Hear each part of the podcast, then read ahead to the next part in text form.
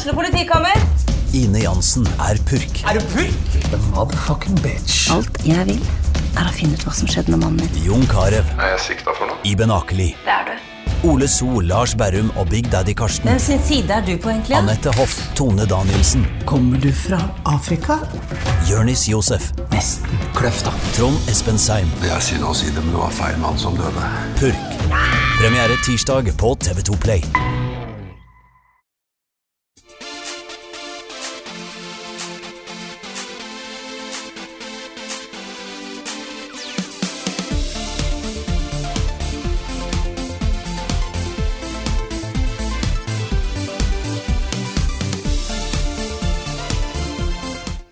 Hjertelig velkommen alle sammen til en splitter ny episode av Level Backup med meg, Frida Danmo, eller ikke.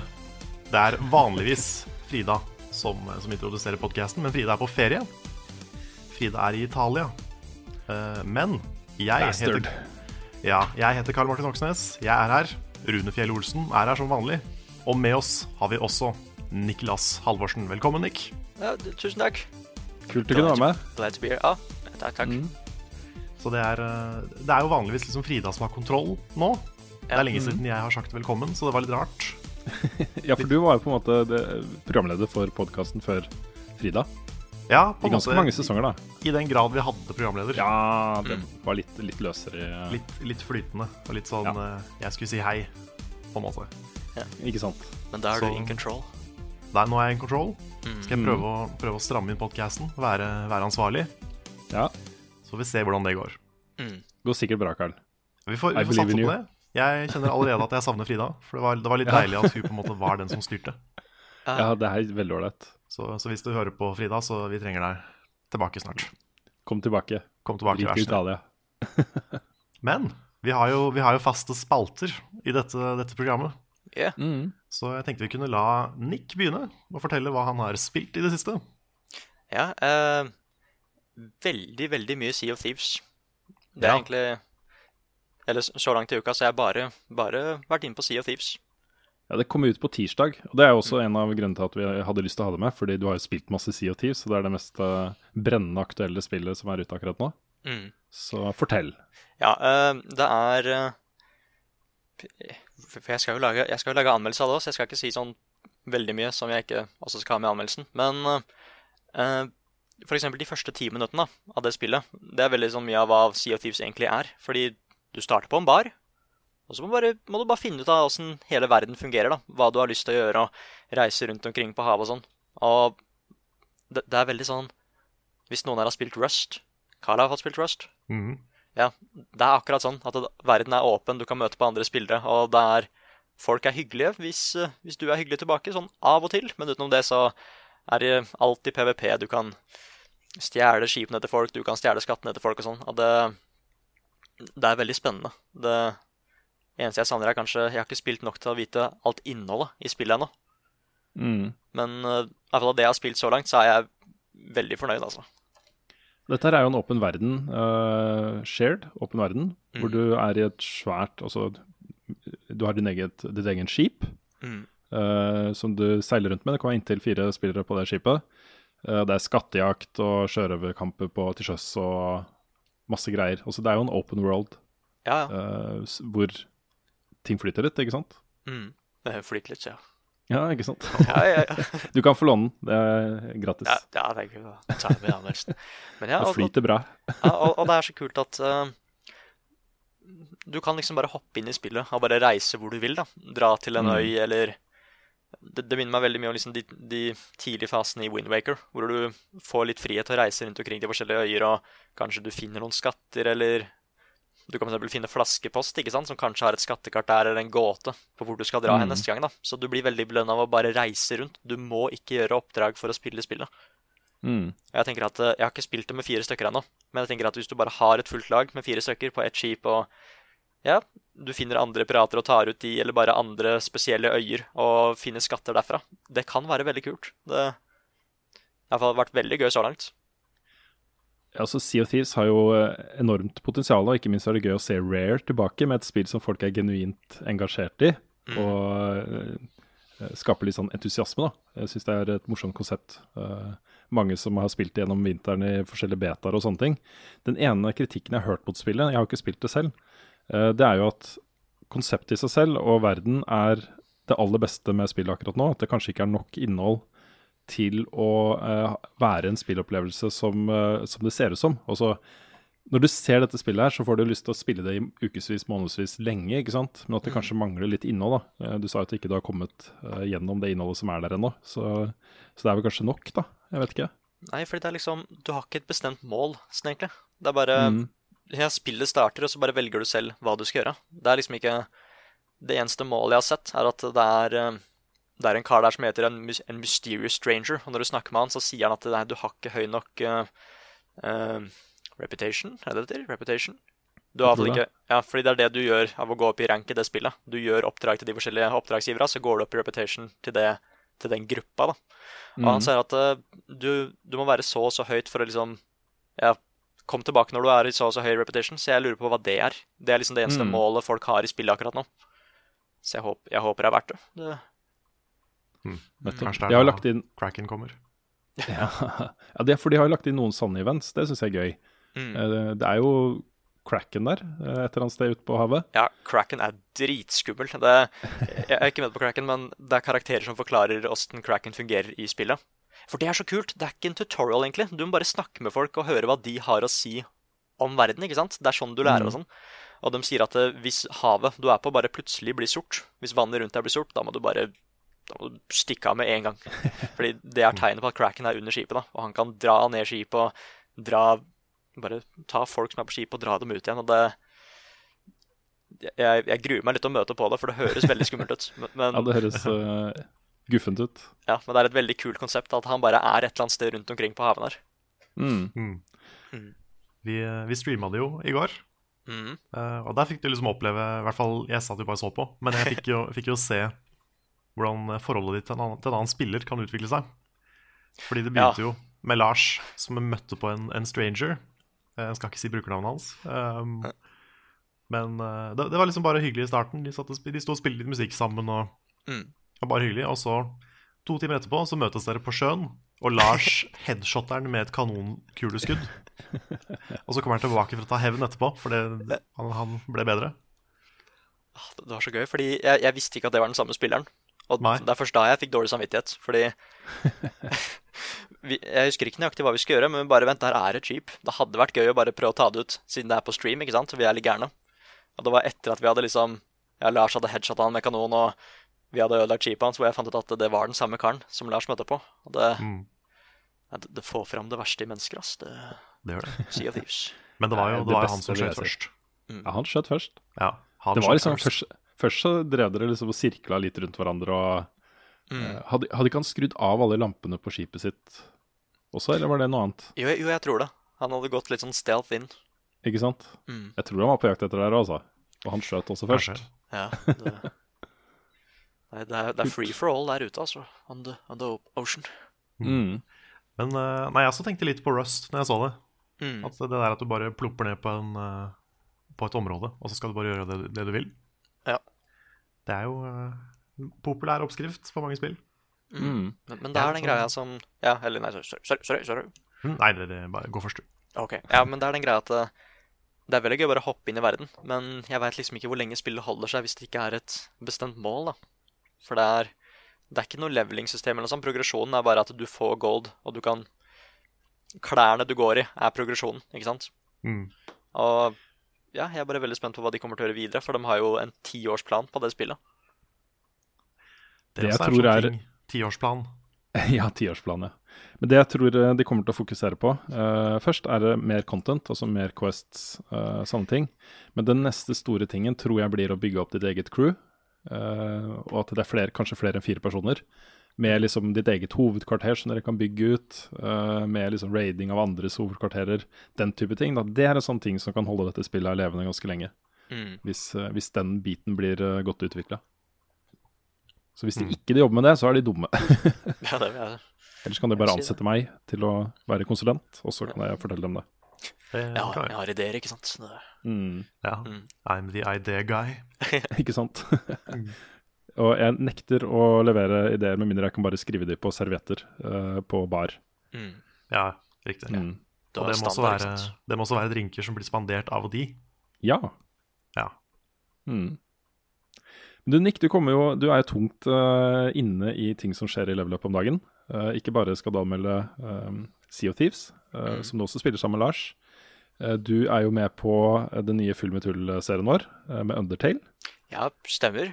Ikke sant? Og på eh, fredag, altså i dag, eh, som podkasten kommer ut, så skal du og jeg spille eh, A Way Out sammen. Mm. Så det blir liksom ene tingen etter andre av svære ting som skjer på kanalen. Så det er hyggelig at, eh, at uh, du er godt og tungt involvert akkurat nå, Nick. Det Ja, men- hever greiene våre. Og, og, og det er ikke jobb heller, ikke sant? For det, det er gøy å holde på med. Ja. Og jeg er veldig spent på A Way Out. Er det, sånn at, er det sånn at hvis du har det spillet, så kan jeg få spille det? Eller åssen Ja. er det? Du får det som kalles en friend code, og det er ingen som vet 100% sikkert akkurat hvordan det fungerer ennå. Fordi uh, dette er jo uh, uh, På PC så er det knytta til Origin-greiene til EA. Men jeg tror det er sånn at når du kjøper spiller, så får du en friend code, og den kan du sende til én spesifikk bruker som du har på din venneliste. Ja. eh, og bare én person. Også, det er ikke sånn at du kan spille litt med én person og så med en annen person. Men den person, altså, eh, det, det blir på en måte den personen du skal spille det sammen med. Mm. Eh, og det må jo spilles i coop. Du kan ikke spille det i singleplayer. Det er ikke noe datastyrte uh, greier her. Så, og så er det, etter det jeg har hørt, seks, sju, åtte timer uh, spilletid. Så det tar ikke okay. så voldsomt lang tid å spille gjennom. Så Mm. det er, ment, det er ment litt sånn som Brothers. Også en opplevelse som er ganske begrensa, som du kan gjøre på ganske kort eh, tid. Eller eh, Journey, for den saks skyld. Hvor eh, det er meninga at du skal dele det med én person. Så vi får se hvordan det funker. Jeg tror de låser det opp eh, midnatt natt til fredag. Da skal jeg sjekke hvordan det ser ut, og så skal jeg sende deg kode, Nick. Ja, den er god. Da blir vi kanskje ferdig på en dag òg, hvis det ikke er så langt. Jeg håper det, for jeg har fått lov av kona til å spille på kvelden også. Eh, Vi Carl og jeg har et møte eh, på fredag klokka to. Mm. Så derfor så kan vi bare spille fram til klokka ett. Og så må vi spille igjen da etter at ungen er i senga og sånt. Så vi får se. Kanskje vi rekker det. Den er grei. Mm. Yes. Mm. Vil du uh, ta over, Rune? Ja, da blir jeg jo sittende her en stund, da. Ja.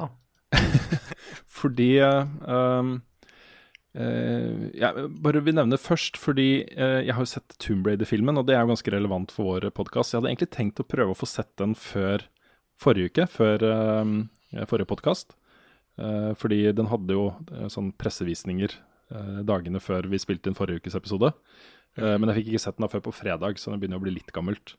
Eh, Men det er jo litt morsomt. Det er jo en nordmann, eh, Roar Uthaug, som har regissert filmen. og Det er Alicia Vikander i hovedrollen, og det er da basert på den første Tomb Raider-rebooten.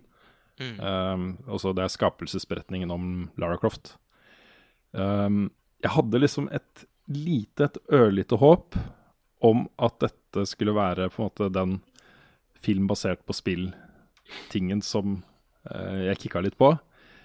Eh, men sånn Altså, det var under, ganske underholdende, men veldig lite minneverdig. Jeg har på en måte nesten allerede glemt eh, filmen, så jeg er ganske skuffa.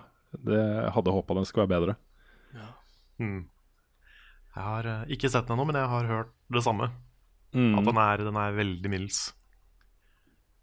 Den er det, altså. Og jeg, jeg syns til og med at uh, spillet gjorde en mye bedre jobb i å ehm, dramatisere det som skjer på denne øya her. Fordi her, her er det jo en øy hvor det er uh, soldater fra en hemmelig organisasjon som heter Trinity, som har vært der i syv år for å leite etter en, en sånn skjult ting. Um, og i spillet så er det jo litt den der uh, Heart of Darkness, altså uh, behind the scenes-greiene til uh, Apocalypse Now, hvor folk blir litt crazy, de blir litt gærne. Eh, det er også tema i filmen, selvfølgelig. Eh, de har vært der lenge, ikke sant. Eh, jeg syns spillet var mye, mye flinkere til å skape litt sånn horror-feeling rundt det, da.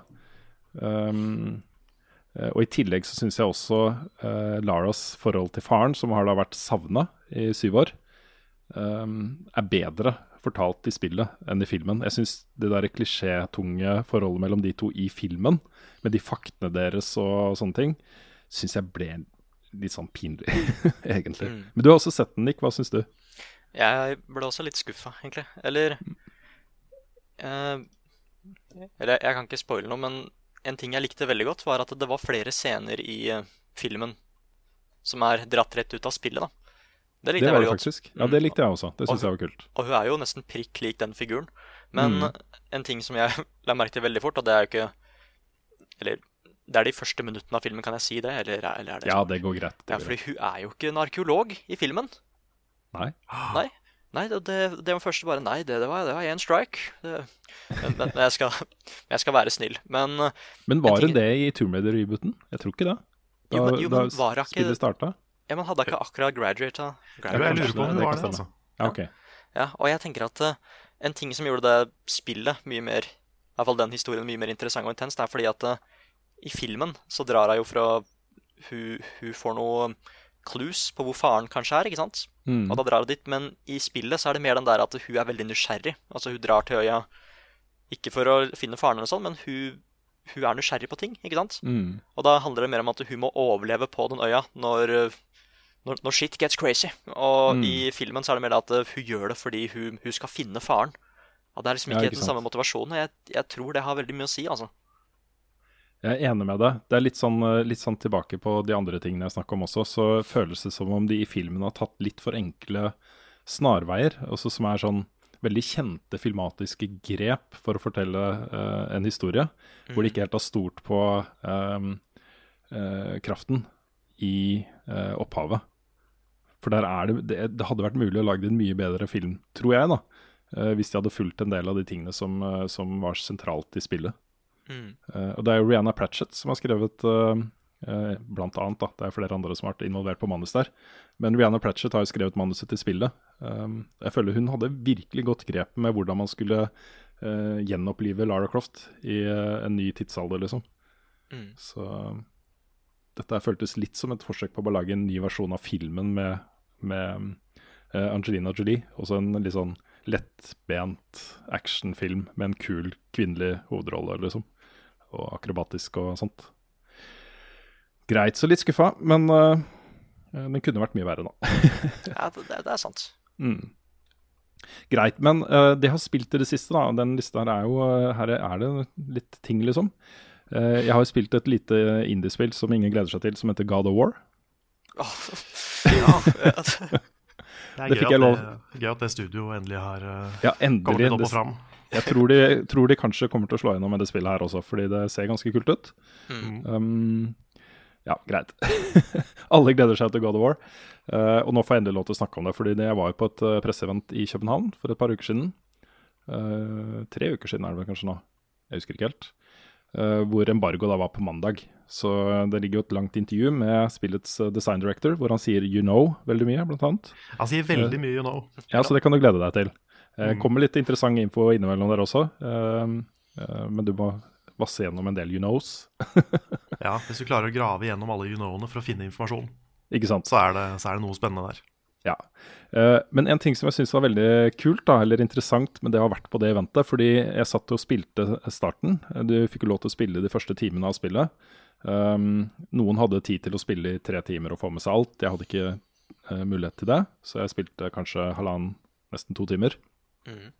Uh, og um, jeg har jo alltid spilt God of War-spillene som litt sånn button mashing-spill. Uh, og når jeg så B-roll, og B-roll er jo basically Det er jo Santa Monica Studios, folk som kan dette spillet, som sitter og spiller og får det til å se tøft ut. Um, uh, når jeg så det footagen etterpå, så skjønte jeg hvor latterlig lite av kampsystemet jeg hadde utnytta. Um, og det, det å på en måte da sitte med den eh, bakgrunnen, at jeg har spilt det på én måte, på min måte, og så ser hva som faktisk er mulig, så gleder jeg meg bare enda mer til å spille det. Fordi den derre øksa, nye øksa til Kratos, kombinert med sånn fistfights og bruk av skjold og, eh, og sånne ting, eh, dodging, eh, eh, kontring eh, Hva heter det? Kontring heter ikke kontring, det heter eh, Du kan si kontring, kan du ikke det? Ja, OK, greit. Ja. det, det ble så utrolig fete kamper av det. Mm. Um, og det er på en måte den biten jeg gleder meg aller mest til nå, selv om det er jo massevis av storyting her også. Fantastiske vesener og uh, alt det der. Men uh, kampsystemet var megabra. Mm. Så ja, det her gleder jeg meg til, altså. Ja, the, the hype is real, altså. Det, Ja, virkelig. Så deilig å se at det faktisk funka. At det var liksom OK, her har de gjort noen grep. Det føles fortsatt som et God of War-spill, uh, men uh, det føles bare mye mer tidsriktig. Det er uh, åpenbart lånt en del elementer fra Soulsborne-spillene her, men det er jo gjort mye mer tilgjengelig. Det er jo ikke så utilgivelig som det systemet. Um, du, kan, du kan gjøre noen feil her og likevel klare det. Men det er virkelig altså er, Jeg sleit, jeg. I starten så var det lett. Uh, feis seg gjennom alle fiender ganske lett. Men det, tok ikke lang tid, altså. Ca. en time. Så ble de kampene ganske tøffe. Og det, da ble jeg glad. da tenkte jeg at det er deilig, liksom. At ikke man bare fiser gjennom det spillet, men at man må være veldig taktisk under disse kampene. Mm. Og så er det jo et veldig, veldig sånn Det grepet da med at han er en far, at han har en sønn, at ikke du vet, vet helt hva slags krefter den sønnen har.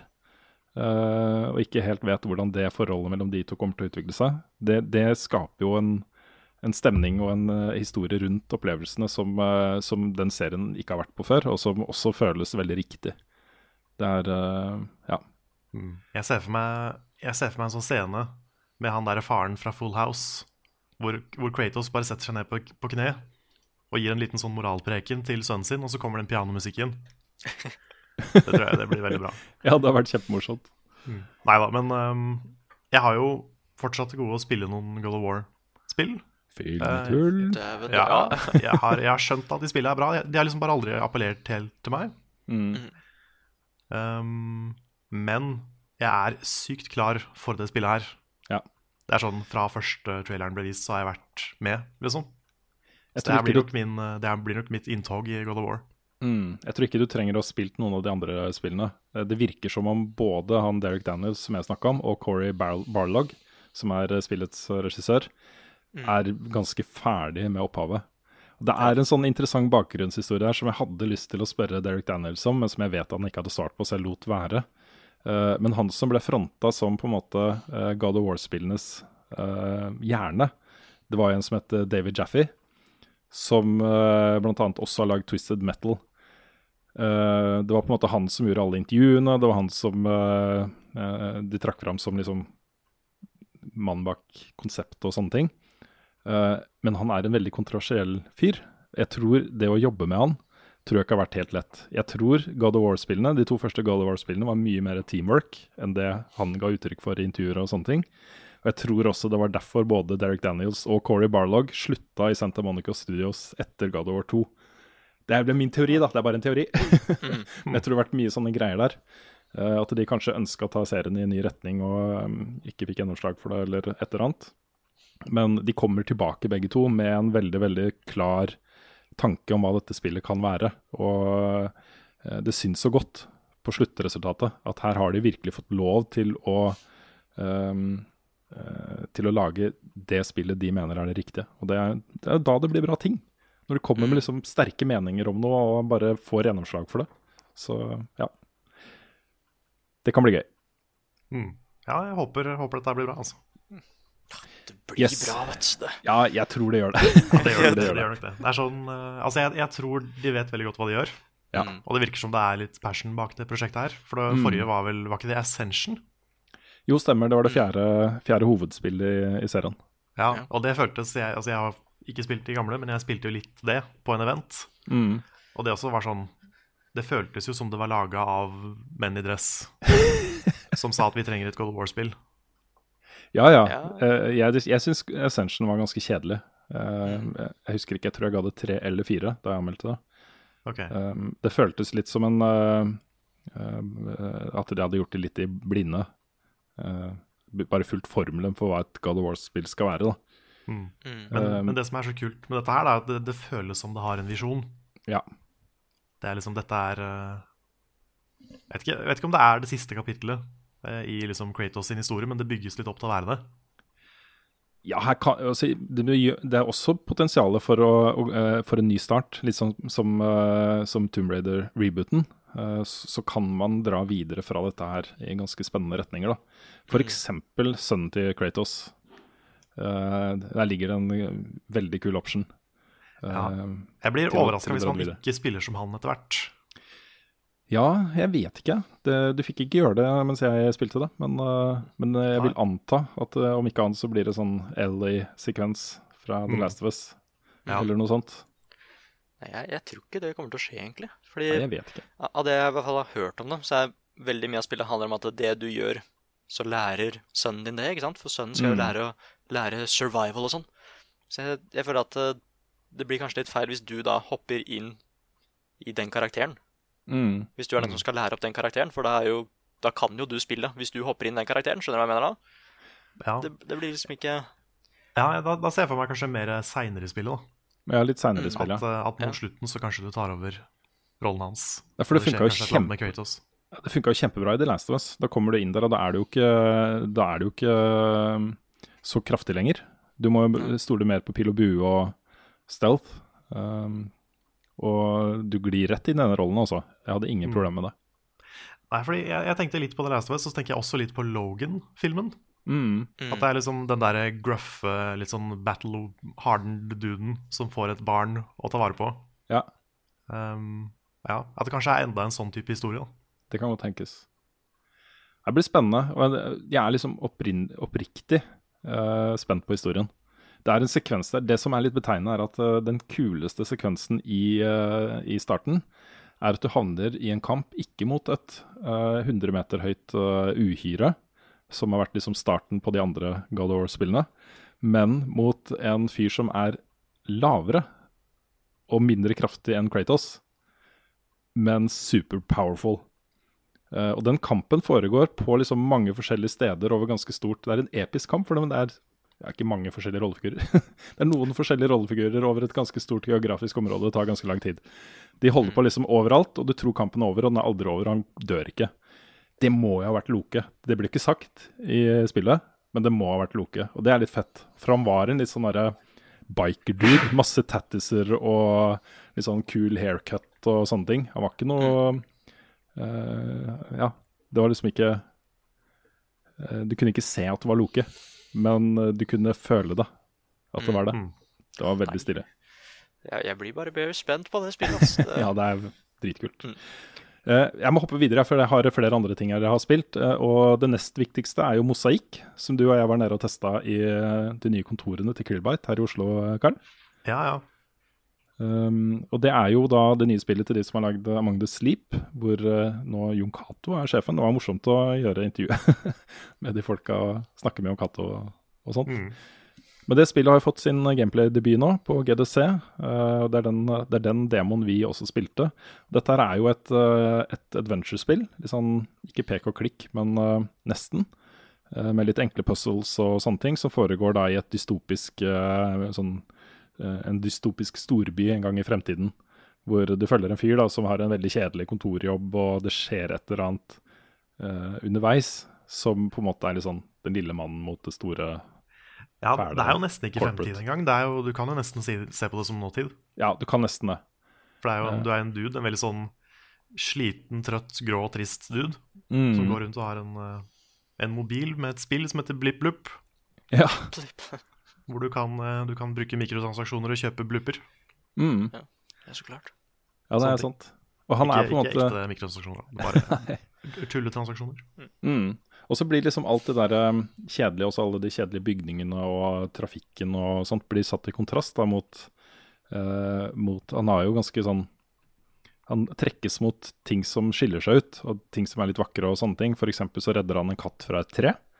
Eh, og for så blir han oppmerksom på en gul sommerfugl på andre sida av gata, så ender det opp med å liksom styre den sommerfuglen da, eh, forbi farer mens det er operamusikk og greier. Uh, og så er det litt sånn derre Nesten litt sånn Matrix-element, hvor han Det virker som han hacker et eller annet, og så han, han aktiverer noe, og så kommer det litt kode på skjermen, og så har det liksom relevans for det store corporate-tingen som styrer alt. alt i verden, eller i hvert fall i den byen. da. Eh, litt sånn element der som jeg syns var dritkult. Så det spillet er jeg veldig spent på. Jeg håper det kommer i år. Jeg tror det kan uh, sette litt eh, spor, altså. Mm. Jeg digger at de lager noe så annerledes Mm. fra Magnus Leap. At det er liksom, det er ingenting til felles. Jeg er helt enig. Det er en veldig kul måte å drive business på. Uh, som en, uh, som en uh, kreativ indie-utvikler så, så er det uten tvil den riktige tingen å gjøre, altså. Det hadde vært litt skuffende hvis det neste spillet deres var enten Among the Sleep 2 eller et uh, lignende skrekkspill. det hadde liksom Ja. Mm. Among the Awake. Ikke sant? Oi, oi, oi. Sleeps. ja. Among the Sleep 2, Sleep Harder. Mange gode ideer her. Jeg er glad vi ikke jobber i Grillbite. Ja. Greit. Og så har jeg også spilt um, uh, Kirby Star Allies. Det kom jo på fredag, men vi fikk det på tirsdag. Uh, eller mandag, husker ikke helt. Mandag var det. Uh, og da satte jeg meg rett ned. Da hadde jeg jo spilt demoen med ungene i helgen, og de var jo dritgira. Og jeg var sånn Sorry, unge, men jeg har ikke råd til å kjøpe det spillet nå, så vi får klare oss med demoen. og så kom spillet da på mandag, så etter det så har vi sittet og spilt sammen, og det er Det er gøy, det. Det er gøy, det. Der kan det være fire stykker samtidig, men bare det at vi kan være oss tre, og i tillegg ha en, en CPU-styrt uh, medspiller på laget. Og drive og veksle egenskaper og låne bort egenskaper og kombinere egenskaper og sånne ting for å løse puzzles og kjempe mot bosser og sånne ting. Det har vært ordentlig gøy, altså. Uh, veldig, veldig stor og fin positiv overraskelse, det spillet der, altså. Hmm. Så der har jeg en anmeldelse ute. Um, det samme gjelder for så vidt God of War og Mosaikk også, så ligger det jo store reportasjer ute på YouTube-kanalen vår. Så masse mer info om det der.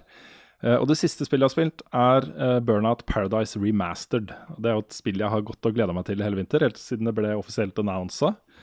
Um, og det er, det er, et eller annet med det der å starte det spillet og så høre de første tonene av uh, Paradise City, Guns N' Roses, den der gitaren som kommer inn du bare fylles med en sånn For det første så er det en av verdens kuleste låter. Det er en av de beste låtene ever. Uh, og for det andre så knytter jeg det så sterkt til det spillet her fordi Burnout Paradise var en åpenbaring da det kom. Og jeg spilte det i hjel, og jeg elska det. Uh, så når jeg hører de liksom starter spillet og hører de tonene, så er det sånn Å ja, nå er jeg hjemme igjen, på en måte. Um, det er jo en veldig typisk remaster. Også, de har jo ikke lagd en remake, så det, teksturer og sånne ting er jo ikke top notch. Men det føles fortsatt som det samme spillet, og det er fortsatt veldig gøy å spille det. Så det var bare rett og slett et utrolig hyggelig gjensyn. Um, jeg vet ikke om jeg får lagd en anmeldelse av det, men jeg kommer til å spille det litt nå og da innimellom andre, andre ting. Så, så, det var kos. Yeah. Nice. Ja, det var det. det, var det. Ja, det, var, det, for, det, må være nok. ok, ok.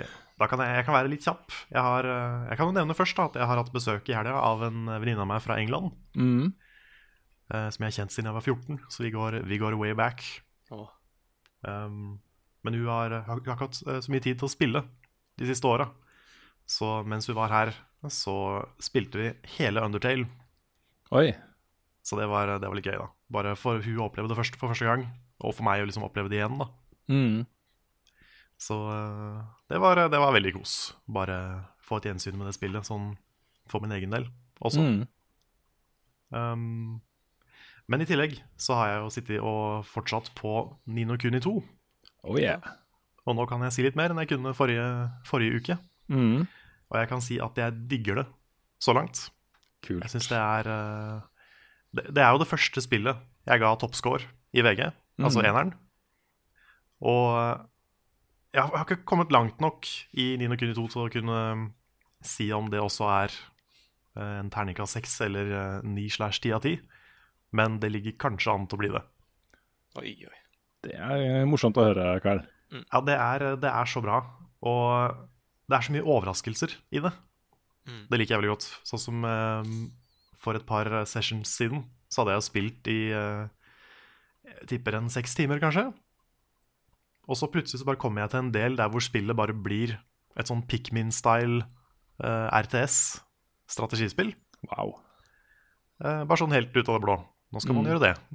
Og, og, det er ganske bra, da. Det er ikke bare liksom et sånn uh, kjapt, enkelt minigame. Det er et ganske kult system. Hvor du, du må liksom styre en hær rundt og ta over baser og alt mulig greier. Og det er ganske, ganske dypt, og ganske mye greier. Mm. Så Spillet er liksom, det er liksom fullt av sånne ting. da At liksom, de, de, prøver seg på veldig mange forskjellige ting og gjør alle tinga veldig bra. Så hovedkampsystemet er jo mer sånn Det er mye mer actionprega enn det forrige. Eh, det forrige var mer turbasert, mer strategisk, mens her så er det mye mer action-RPG. Mm. Så du beveger deg rundt, og du har forskjellige moves, og du kan holde inn en knapp for å få fire forskjellige attacks som du kan bruke der og da. ikke sant? Så det er mye mer fast-paced. Mm. Men eh, jeg syns det kler det spillet veldig bra. Eh, jeg savner ikke det gamle kampsystemet, selv om det var litt gøy med det der Pokémon du kan bli venner med monstre-greiene, som er borte nå. I hvert fall foreløpig. Jeg vet ikke hva som kanskje etter 20 timer så plutselig så er det der. Man vet jo liksom aldri med, med Nino Kuni. Nei. Men eh, nei, jeg, jeg koser meg skikkelig så langt. Og jeg syns det er så utrolig pent å se på. Jeg elsker den stilen. Ja, Mm. og det, jeg spiller på PC, og det flyter utrolig bra på PC. Det er uh, kanskje en av de smootheste PC-portene jeg har eh, vært borti. Nice. Og bare i det hele tatt. Jeg syns det, er- det er kjempekos. Og det kan lanseres vel si- også i dag, ikke sant? Fredag. Det kommer, kommer i dag, fredag. ja. Mm. Mm. Så det er bare å eh, løpe og kjøpe hvis du er glad i japanske RPGs. Ja ja, det spørs jo om det blir ni av ti eller ti av ti, da. Det er ikke... Ja. Det er, jeg, kan hvert fall, jeg kan si såpass som at jeg anbefaler det. Det kan jeg gjøre. Mm. Så Ja, jeg kommer til å sånn bruke litt, litt tid på anmeldelsen, fordi jeg har ikke lyst til å bare hive av meg en uh, nier eller tier uten å ha gjort skikkelig, Mm. skikkelig jobb. Ja, det er svært. Det er svært. Jeg vet ikke hvor langt det er, men jeg mistenker at det er veldig veldig langt. Mm. Ikke, ikke Persona langt, kanskje, men det er ikke sikkert det er så langt unna. Da er det straks påske, vet du, Karl. Det går bra. Ja da, det blir, det blir nok mye spilling i påsken. Jeg hadde jo tenkt å prøve å få med deg på Far Cry 5, da. Det kommer jo på tirsdag, Karl. Å ja, ok. Klarer Ja. du å være ferdig med Nino Kuni til det, tror du?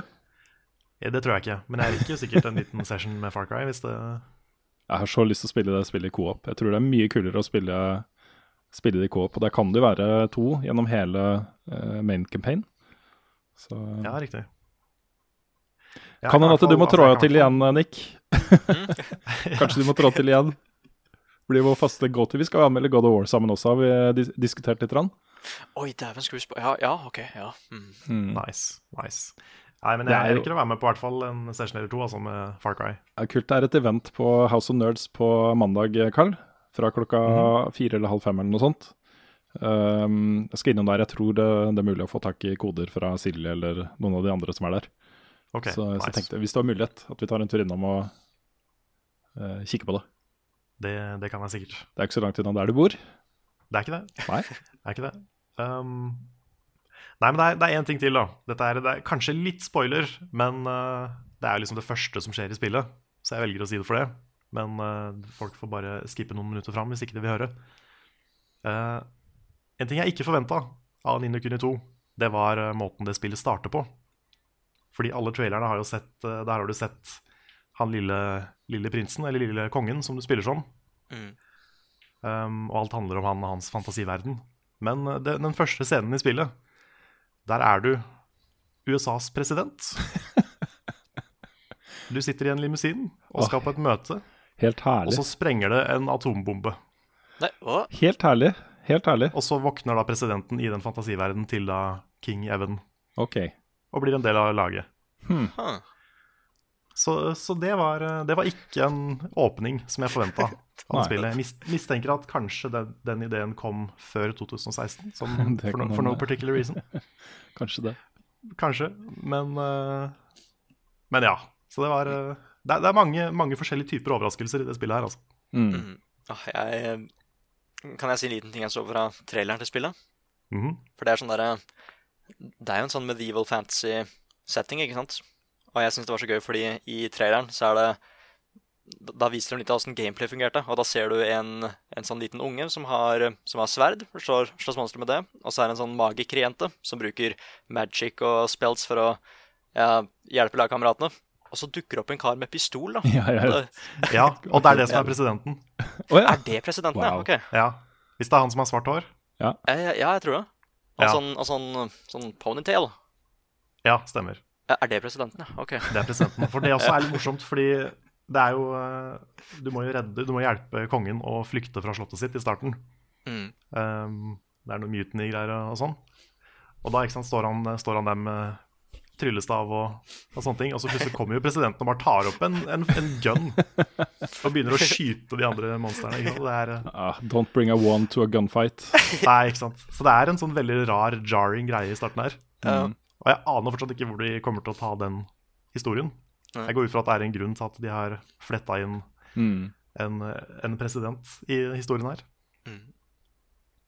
Men, eh, men ja, det er, eh, det er kjempegøy så langt. Så jeg, eh, jeg gleder meg til å spille mer.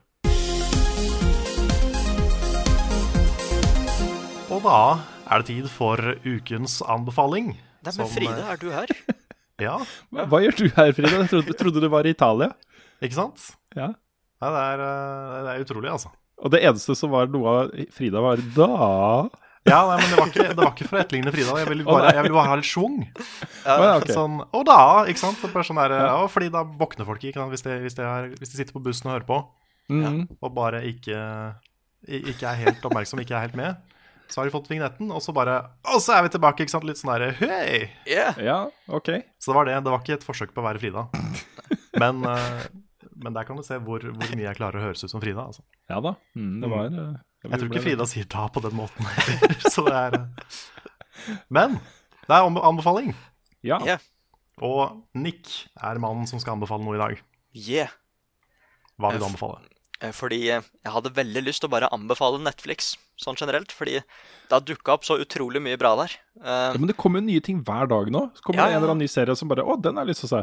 mm. Og jeg har ennå ikke sett Annihilation, men jeg har hørt så mye bra om den. At det, bare dukker opp flere sånne kinofilmer direkte på Netflix. Jeg syns det er helt greit. Det kommer mer anime òg, ikke sant. Men eh, en serie som jeg fant her, er en sånn spionserie som heter Archer. Mm. Og den, den, den er veldig sånn Det er veldig voksen serie. Det er, det er mye banning og sånt, men det er, det er en blanding av uh, Hvis du tok The Office, da, for eksempel. Eh, The Office, bare at det er en sånn tegneseriestil rundt det, og det er en spionsetting. Da har du Archer, og det er litt mer vulgært, da.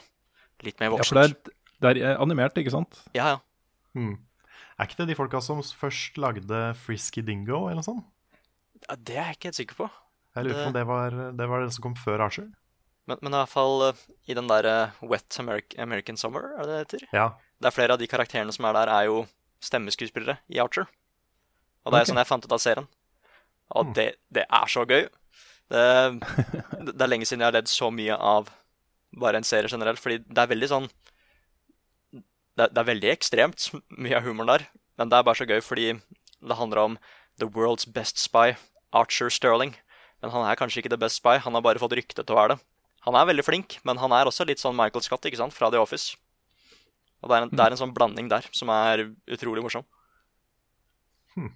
Mm. Fett. Og der Hva sitter det den på lista. Ja, det er åtte eller sju sesonger av det på Netflix nå. Jesus. Det er såpass, ja. Mm. Den har vart lenge. Jeg, jeg visste ikke at den var mm. Ja, at den hadde vart såpass lenge. Å nei, det oh, jeg, jeg klarer ikke ett sånt prosjekt til nå. Jeg holder, holder på med The West Wing. Og jeg har akkurat begynt på sesong tre av den. Og der er det jo sju sesonger også, så mm. eh, prøv å komme gjennom. ja, Heldigvis varer én episode varer sånn 20 minutter ish. OK. Mm. Så det, du kan lett bare se en episode, og så bare ja, gjøre noe annet. Mm. Men det er veldig gøy. Det er vel en stund til det kommer mer Rick and Morty også, så det er kanskje greit å ha noe å se på imens. Ja, det var veldig mye Jeg fikk veldig mye samme vibra humoren derfra. At det er, det er den tegneseriestilen, men det er fortsatt for voksne, ikke sant? Mm. I hvert fall litt eh, eldre folk. Og det, det, er, det er en bra kombo. Mm. Rett og slett. Og du-du-du-du-du-du-du-da er vi over på nyheter. Så det, ikke sant? nå prøvde jeg å gjøre det enda mer. Må eskalere det. Ja, jeg gleder meg til å se hvor dette ender. Ja, Ja. Du høres fortsatt ut som Frida. Det, Ja, jeg gjør det. Jeg gjør det. mm. Meg. Det sier Frida. Med meg, Frida Vadmo. Men nyheter, Rune. Ja, eh, bare begynne med, med en sånn kjapp, eh, kjapp sak som er relatert til neste, neste sak. Eh, og det er jo at det er en Twitch-streamer som heter eh, eller Han heter ikke det, um, tror jeg. Ninja kaller han seg på Twitch. Eh, han har nå satt en ny rekord i antall samtidige seere på Twitch. Og da han streama Fortnite sammen med rapperen Drake, så var det da over 600 000 mennesker innom samtidig Oi, oi. Mm. Live. live. Og det her har jo ehm, eh, skapt voldsom interesse for både Twitch, for Fortnite og for eh, Ninja. Um, jeg vet ikke om det har skapt like mye interesse for Drake, men uh, det er nå intervjuer med Ninja overalt. Uh, og der har det bl.a. kommet fram at han akkurat nå tjener 500 000 fuckings dollar i måneden. Oi, oi, oi. 500 000 dollar i måneden! Ja, det er vel ganger nesten ti, er det ikke det, i norske kroner? Ja, eh, kursen er vel på åtte et eller annet, men, eh, Ok, men okay. eh, ja. I reell verdi så, så blir det jo nesten det, da. Ja, det er Så- millioner. Ja, fytte rakkeren, altså. Uh, det er big business, og Fortnite har jo nå uh, runda 30 millioner spillere. eh, Og er, ikke sant, uh, the shit. Jeg ser at også de der fæle brødrene, hva er det de heter igjen? Logan, Logan. Paul. Logan Ja. Paul og ja. Ja, De er jo nå i en voldsom greie, for de har liksom nå lagd en Twitch-kanal og skal begynne å gjøre et eller annet med Fortnite, liksom. og alle fansene til Ninja prøver jo å, øh, å skjøtte de ned, liksom. Så det, er, øh, det kan bli litt gøy å følge litt med på. Um, men det har blitt veldig stort. Uh, den andre fronten, som er nå mellom PubG og uh, Fortnite, har jo kommet til mobil. Hvor uh, mobilversjonen, også IOS og Android-versjonen av Fortnite, har jo toppa salgslister der uh, en stund. Uh, og nå har da PubG Mobile også kommet. Det som jeg syns er litt interessant her, er to ting. Det ene er, det ene er på en måte fremveksten av sjangeren. Men det andre er det at den type spill får såpass god mottagelse. Folk digger det jo, folk syns det er kjempegøy å spille. Jeg har ikke fått testa de, de selv ennå. Men at det faktisk funker på mobil, at folk ser på mobiltelefonen sin som en plattform å spille den type spill på, syns jeg er ganske interessant. Altså. Altså det, er, det tror jeg har ganske stor betydning for fremtiden til mobilplattformen som spillplattform. Um, interessant. Mm. Jeg har eh, ikke spilt det sjøl, jeg heller. Jeg har hørt at det funker bra. Jeg klarer ikke helt å se for meg hvordan det funker bra. Men eh, jeg begynner å bli såpass nysgjerrig at jeg må teste det sjøl. Mm. Fordi et det FPS eller tredjepersons skytespill på mobil høres jo helt forferdelig ut for min del. Det er ikke lett. Nei? Nei, jeg så jo, jeg tror jeg nevnte det i podkasten for eh, et par måneder siden, men jeg så en, en uh, ung fyr på T-banen som drev og spilte et, et ordentlig skytespill. Også, det kunne vært et PC-skytespill på mobiltelefonen sin uh, i vogna, liksom. Mm. mens han drev og kommuniserte med lagkameratene sine. Så det var, ikke bare, det var ikke bare at han spilte skytespill, men det var et multiplayerspill hvor han hadde lagkamerater, og de spilte mot et annet lag og sånne ting. Det, er- jeg syns det er fascinerende, altså. Det er uh, Det er ganske hardcore. ja, det er, det er ganske hardcore. Jeg syns det er interessant. Mm. Eh, jeg syns også det er gøy nå hvordan PubG og Fortnite på en måte går liksom fram og tilbake i å angripe hverandre. eh, hvor utviklerne av PubG har jo lenge vært veldig kritiske til Fortnite og sier de kopierer dem og uh, trua med søksmål og masse sånne ting. Eh, men nå ser vi at uh, PubG eh, nå introduserer special events, som jo er en eh, svær greie i Fortnite, hvor de i tidsbegrensa perioder har eh, nye regler på, på gameplayet. Um, PubG introduserer dette her med egentlig det de selv sier er eh, ikke, ikke så fryktelig spennende. Det er eh, åtte spillere bare, og så små matcher. Eh, men de sier også at her vil det komme mye spennende i tiden fremover. At de tester det ut med et lite, lett kontroller- kontrollerbart eh, opplegg. Og så skal det utvide og gjøre andre ting etter hvert. Så jeg syns det er litt morsomt hvordan nå liksom PubG har inspirert en hel sjanger. Og så kommer liksom Fortnite og inspirerer PubG. det er spennende. Greit. Og så har da uh, det nye progresjonssystemet til Star Wars Battlefront 2 endelig uh, blitt lansert. Det er ute nå. Ja. Uh, og uh, for de som har bodd under en stein, som det heter, uh, så, så var jo saken den at progresjonssystemet i Battlefront 2 da det ble lansert, var låst til loot crates.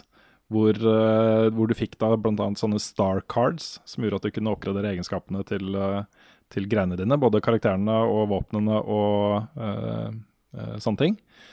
Um, fikk du gjennom loot crates. Så du kunne da faktisk kjøpe, kjøpe prog progresjon ved å betale for, uh, for loot crates med ekte penger. Uh, de la hel, hele systemet ned og har jobba nå siden den gang. Det var vel i november? Oktober-november, husker ikke helt. Ja, Skulle, rundt her. rundt. Ja. Uh, så har det bare vært å spille det. Det har ikke vært noe særlig progresjonssystem. Uh, men nå har de introdusert det nye systemet. Og det nye systemet er sånn at Star Cards og alt som handler om progresjon å gjøre, kun kan låses opp uh, ved å spille spillet. Eh, Du får bl.a. star cards av å oppgradere um, klasser eller våpen, eh, som du da kan bruke til å gi, gi de nye egenskaper. Eh, det vil fortsatt være loot crates, men de er også gratis. De får du gjennom å gjøre eh, daily events og quests og sånne ting. Eh, jeg tror kanskje du får det med å ranke opp og jeg, jeg vet ikke helt alle situasjoner du får de, men du får de gratis. Eh, det eneste som du nå kan bruke penger på, er da events igjen. det kommer events her etter hvert, eh, med egen kosmetikk.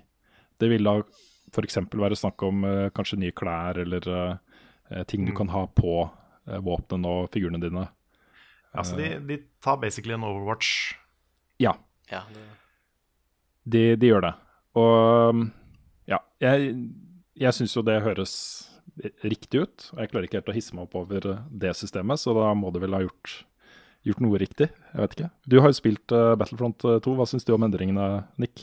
Jeg har ikke spilt uh, etter at det har blitt uh, gjort endringer, men jeg var, ikke noe, jeg var ikke noe fan av det. Og Nei. nå kan jeg faktisk liksom gå tilbake og ordentlig anmelde det. For jeg, vi hadde jo tenkt å gjøre det da det ble Ja, er lansert. det. Men Ja. det var det at eh, alle anmeldelsene var helt like, ikke sant? Alle hadde Mm. problemer med systemet. Og idet jeg starta ordentlig med å anmelde det, da dukka det opp den der at Dø, vi skal, vi skal fikse på et par ting i det gameplayet der. Og da hadde det vært litt mer interessant å lage en anmeldelse når de hadde fiksa på progresjonen, da. Mm. Og jeg sa jo at eh, jeg trodde ikke det skulle være mulig, fordi det, det var en så stor del av spillet. Altså måten ting var bygget opp med de startkartene og sånn. Så jeg er veldig spent på om det faktisk er ordentlig gøy å spille nå. For det er jo faktisk veldig gøy å spille, men det er den derre litt, litt sånn som eh, Sea of Thieves, egentlig. At det må en, du må ha et mål, ikke sant? Mm. Det må være en sånn ordentlig måte å Ja, ordentlig progresjon i spillet. Så jeg er veldig spent nå om det faktisk er et spill som folk kommer tilbake til. Eller om skaden, skaden er gjort, da. Du har vår tillatelse til å lage en anmeldelse, i hvert fall, Nick. Ja. Så da, da Kjør setter på jeg hvis du vil. egentlig. For det hadde ja, vært veldig at, kult etter at du skulle gjøre alle de andre tingene som vi trenger hjelp med, da. Ja, ja, ja, så klart. Så klart. Men jeg bare å lage- lage en- overarbeider deg litt om dagen, Nick. Ja, men det går, det går helt fint. Jeg, jeg, jeg, har mye tid, vet du. Så da Det er egentlig Det er perfekt tidspunkt nå, egentlig. Å Ja, det er så bra. gjøre mye jobb der. Og nei, så bare lage en Star Wars Battlefront 2018-anmeldelse, da. Mm. Mm, hvor du bare tar for deg de nye tinga åssen spillet er i dag. Det, det, det tror jeg Ja, det, det tror jeg er lurt.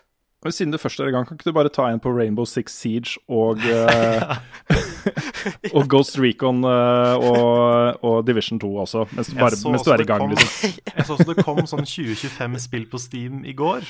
Uh, så hvis du, bare tar, hvis du tar sånn 18-19 av de, så er vi, da er vi good. Ja, du anmelder ja. betaer nå òg. Det, Ja, ja. nei, det, access men, men Siege må jeg teste, altså. Det, Ja, jeg er så klar for det. Jeg har lyst til å gjøre det før eh, mars er over også, så vi får med oss uh, outbreak-moden. Mm. Nei, så bare Ja, kanskje jeg bare skaffer det til PC. Og bare, ja, som du sier, få spilt den der nye modusen. Og bare få prøvd det ordentlig, for jeg har hørt mye bra om det nå. Mm, samme her. At det har blitt et nytt spill. Vi, eh, vi får ta en diskusjon på det. Jeg er, eh, jeg er ganske nærme å gjøre et innkjøp der eh, selv også. Jeg må bare være veldig forsiktig med hva jeg bruker penger på om dagen. Så, eh, men ja. Yes. Greit. Eh, det har også eh, kommet eh, ganske troverdige rykter eh, om at eh, Call of Duty Modern Warfare 2 Remastered eh, er på vei nå i år. Eh, men at det da vil være uten multiplayer. Huh. Mm. Ja, Er det det- Altså, jeg har fått med meg at eh, folk var ganske gira på multiplayeren i første remastered. Mm. Men er det ikke Altså, er ikke multiplayeren i Modern Warfare 2 like legendarisk blant fans? Da må jeg nesten ringe Lars. Ja, ja, for jeg er ikke Dette er en verden jeg ikke kan, kjenner jeg. Vet ikke hvorfor de har valgt det. Nei, så merkelig. Ja, det er litt rart. Uh, det store spørsmålet blir jo hva de gjør med uh, No Russian-oppdraget. Som Ja, jo var så klart. Det som var den store tingen her, var at når du starta spillet, back in the day, så ble du stilt overfor et valg i starten. Uh, hvor det står at uh, første, første mission er, uh, er ganske kraftig kost. um, og ubehagelig å spille. Har du lyst til å spille eller ikke? Og hvis du sier at nei, jeg har ikke lyst til å spille, så skipper du hele No. Og det det er, er jo at du er, har infiltrert en, en terroristgruppe som uh, kommer inn på en flyplass og begynner å bare plaffe løs på alle sivile som er der. Og du er med, og du kan styre den uh, agenten som, uh, som du styrer der. Du kan styre, og du kan velge om du skal skyte du også eller ikke. Um, og hele sekvensen er jo Jeg vet ikke. Den uh, setter jo opp uh, handlinga i spillet ganske greit, men det at den er interaktiv, skapte jo masse reaksjoner. Mm. Så, jeg, så jeg er spent på hva de gjør med den også. Ja. Jeg, jeg kjenner ikke helt til liksom, historien i det spillet. Klarer de å rettferdiggjøre det narrativt, eller er det mer en sånn der 'nå skal vi være mest mulig edgy'? Nei, men Det at en, en uh, historie sentrert rundt terrorisme starter med en stor terroraksjon, er jo ikke uvanlig. Uh, men det, kun, det kunne ha blitt fortalt gjennom nyhetssendinger eller uh, en kort cutscene eller et eller annet, liksom. Uh, men det at den skjer, er jo viktig for historien. Ja, det setter opp veldig mye. Ja. Så uh, jeg syns fortsatt det er interessant å diskutere hele den sekvensen, altså. Jeg er ikke sånn Det er ikke noe fasit på om den hadde noe der å gjøre eller ikke, egentlig. Men vi får se, da. Det er, uh, jeg har en mistanke om at de kanskje dropper den og heller kjører det som en, uh, en cutscene eller noe sånt. Hmm. Så får vi se. Eh, et par kjappe saker til. Eh, vi har jo eh, tidligere fortalt at eh, det kommer en, en standalone-versjon av Oculus Rift i år. Eh, altså en, et VR-headset som ikke trenger en PC. uh, blir vel mer eller mindre nesten det samme som disse mobil-VR-headsetene, hvor du bare skyver mobiltelefonen inn, og så blir det prosessoren. Um, men eh, det er jo uten kabler og sånt. Nå kommer det også en sann versjon av Vive. Den heter Vive Focus VR. Ja. Vil koste et sted mellom 4000 og 5000 kroner. Eh, og trenger heller ikke kabler. Det er et standalone sett som uh, kjører VR. Men da med mobil eller uten mobil? Nei, den vil ha prosessor innebygd. Akkurat som uh, Oculus-modellen, så vil det ha en prosessor i headsetet. Okay. ok. Ja, ok. Så blir det en konsoll, på en måte. Det blir en konsoll hvor skjermen er veldig nærme øynene dine. Riktig. Mm.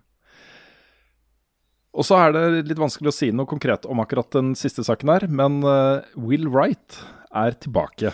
Han trakk seg jo fra spill, og det er jo da mannen bak eh, The Sims, uh, Spore og SimCity. Uh, og han forlot spillbransjen uh, og sa at han ikke skulle tilbake, men nå jobber han med et nytt spill som heter Proxy. Det som er interessant her, er at uh, han hinter om at spillet vil hente informasjon fra eh, dine feeds. Også kanskje Twitter-kontoen din, Facebook-kontoen din, eh, tekstmeldinger, e-post, sånne ting. Og lage spillet basert på det. Altså den vil lage eh, spillbare sekvenser basert på eh, dine personlige greier. Akkurat hvordan de har tenkt å gjøre det, sier han jo ingenting om, og jeg aner ikke. Jeg har ikke, virkelig ikke peiling. Eh, men eh, men eh, det er jo Will Wright, og dette kan bli et konsept det kan være spennende å se nærmere på. Ja, ja det, det er jo en spenstig idé. Ja, Litt skummel godt- idé. På godt og vondt. Ja, jeg vet liksom ikke, hvis jeg, hvis jeg hadde fått et spill om Twitteren min Mm. det hadde, liksom, det hadde bare vært masse forskjellige TV-spill pluss litt sånn angst og frykt for nazister. Ikke sant? Ja. Sett ikke helt hva, hva slags spill det hadde blitt. Nei, det er vanskelig å si. Hmm. Så, men det ligger en eh, video ute på YouTube hvor han eh, søker etter en, en artist, Også noen som kan lage grafikken til dette spillet her, så det er jo sannsynligvis et stykke unna. Uh, men det ligger noen konseptskisser der som på en måte forklarer det litt. Så ja, vi får se. Får se. Det høres jo litt ut som et sånn der Peter Molly død. ja, det gjør, det gjør nesten Det det. er, Altså. det er en Twitter-konto som er liksom en parodikonto på Peter Molyneux. Ja. Hvor han bare pitcher sånne helt crazy spillideer. Mm. Ja. Det hadde vært, hadde nesten vært morsomt å bare hatt noen av de oppe. Jeg skal Ja, jeg søke litt, prøvde, jeg. jeg prøvde å komme på noen eksempler, men jeg klarte ikke. Skal vi se, jeg skal sjekke nå. Uh...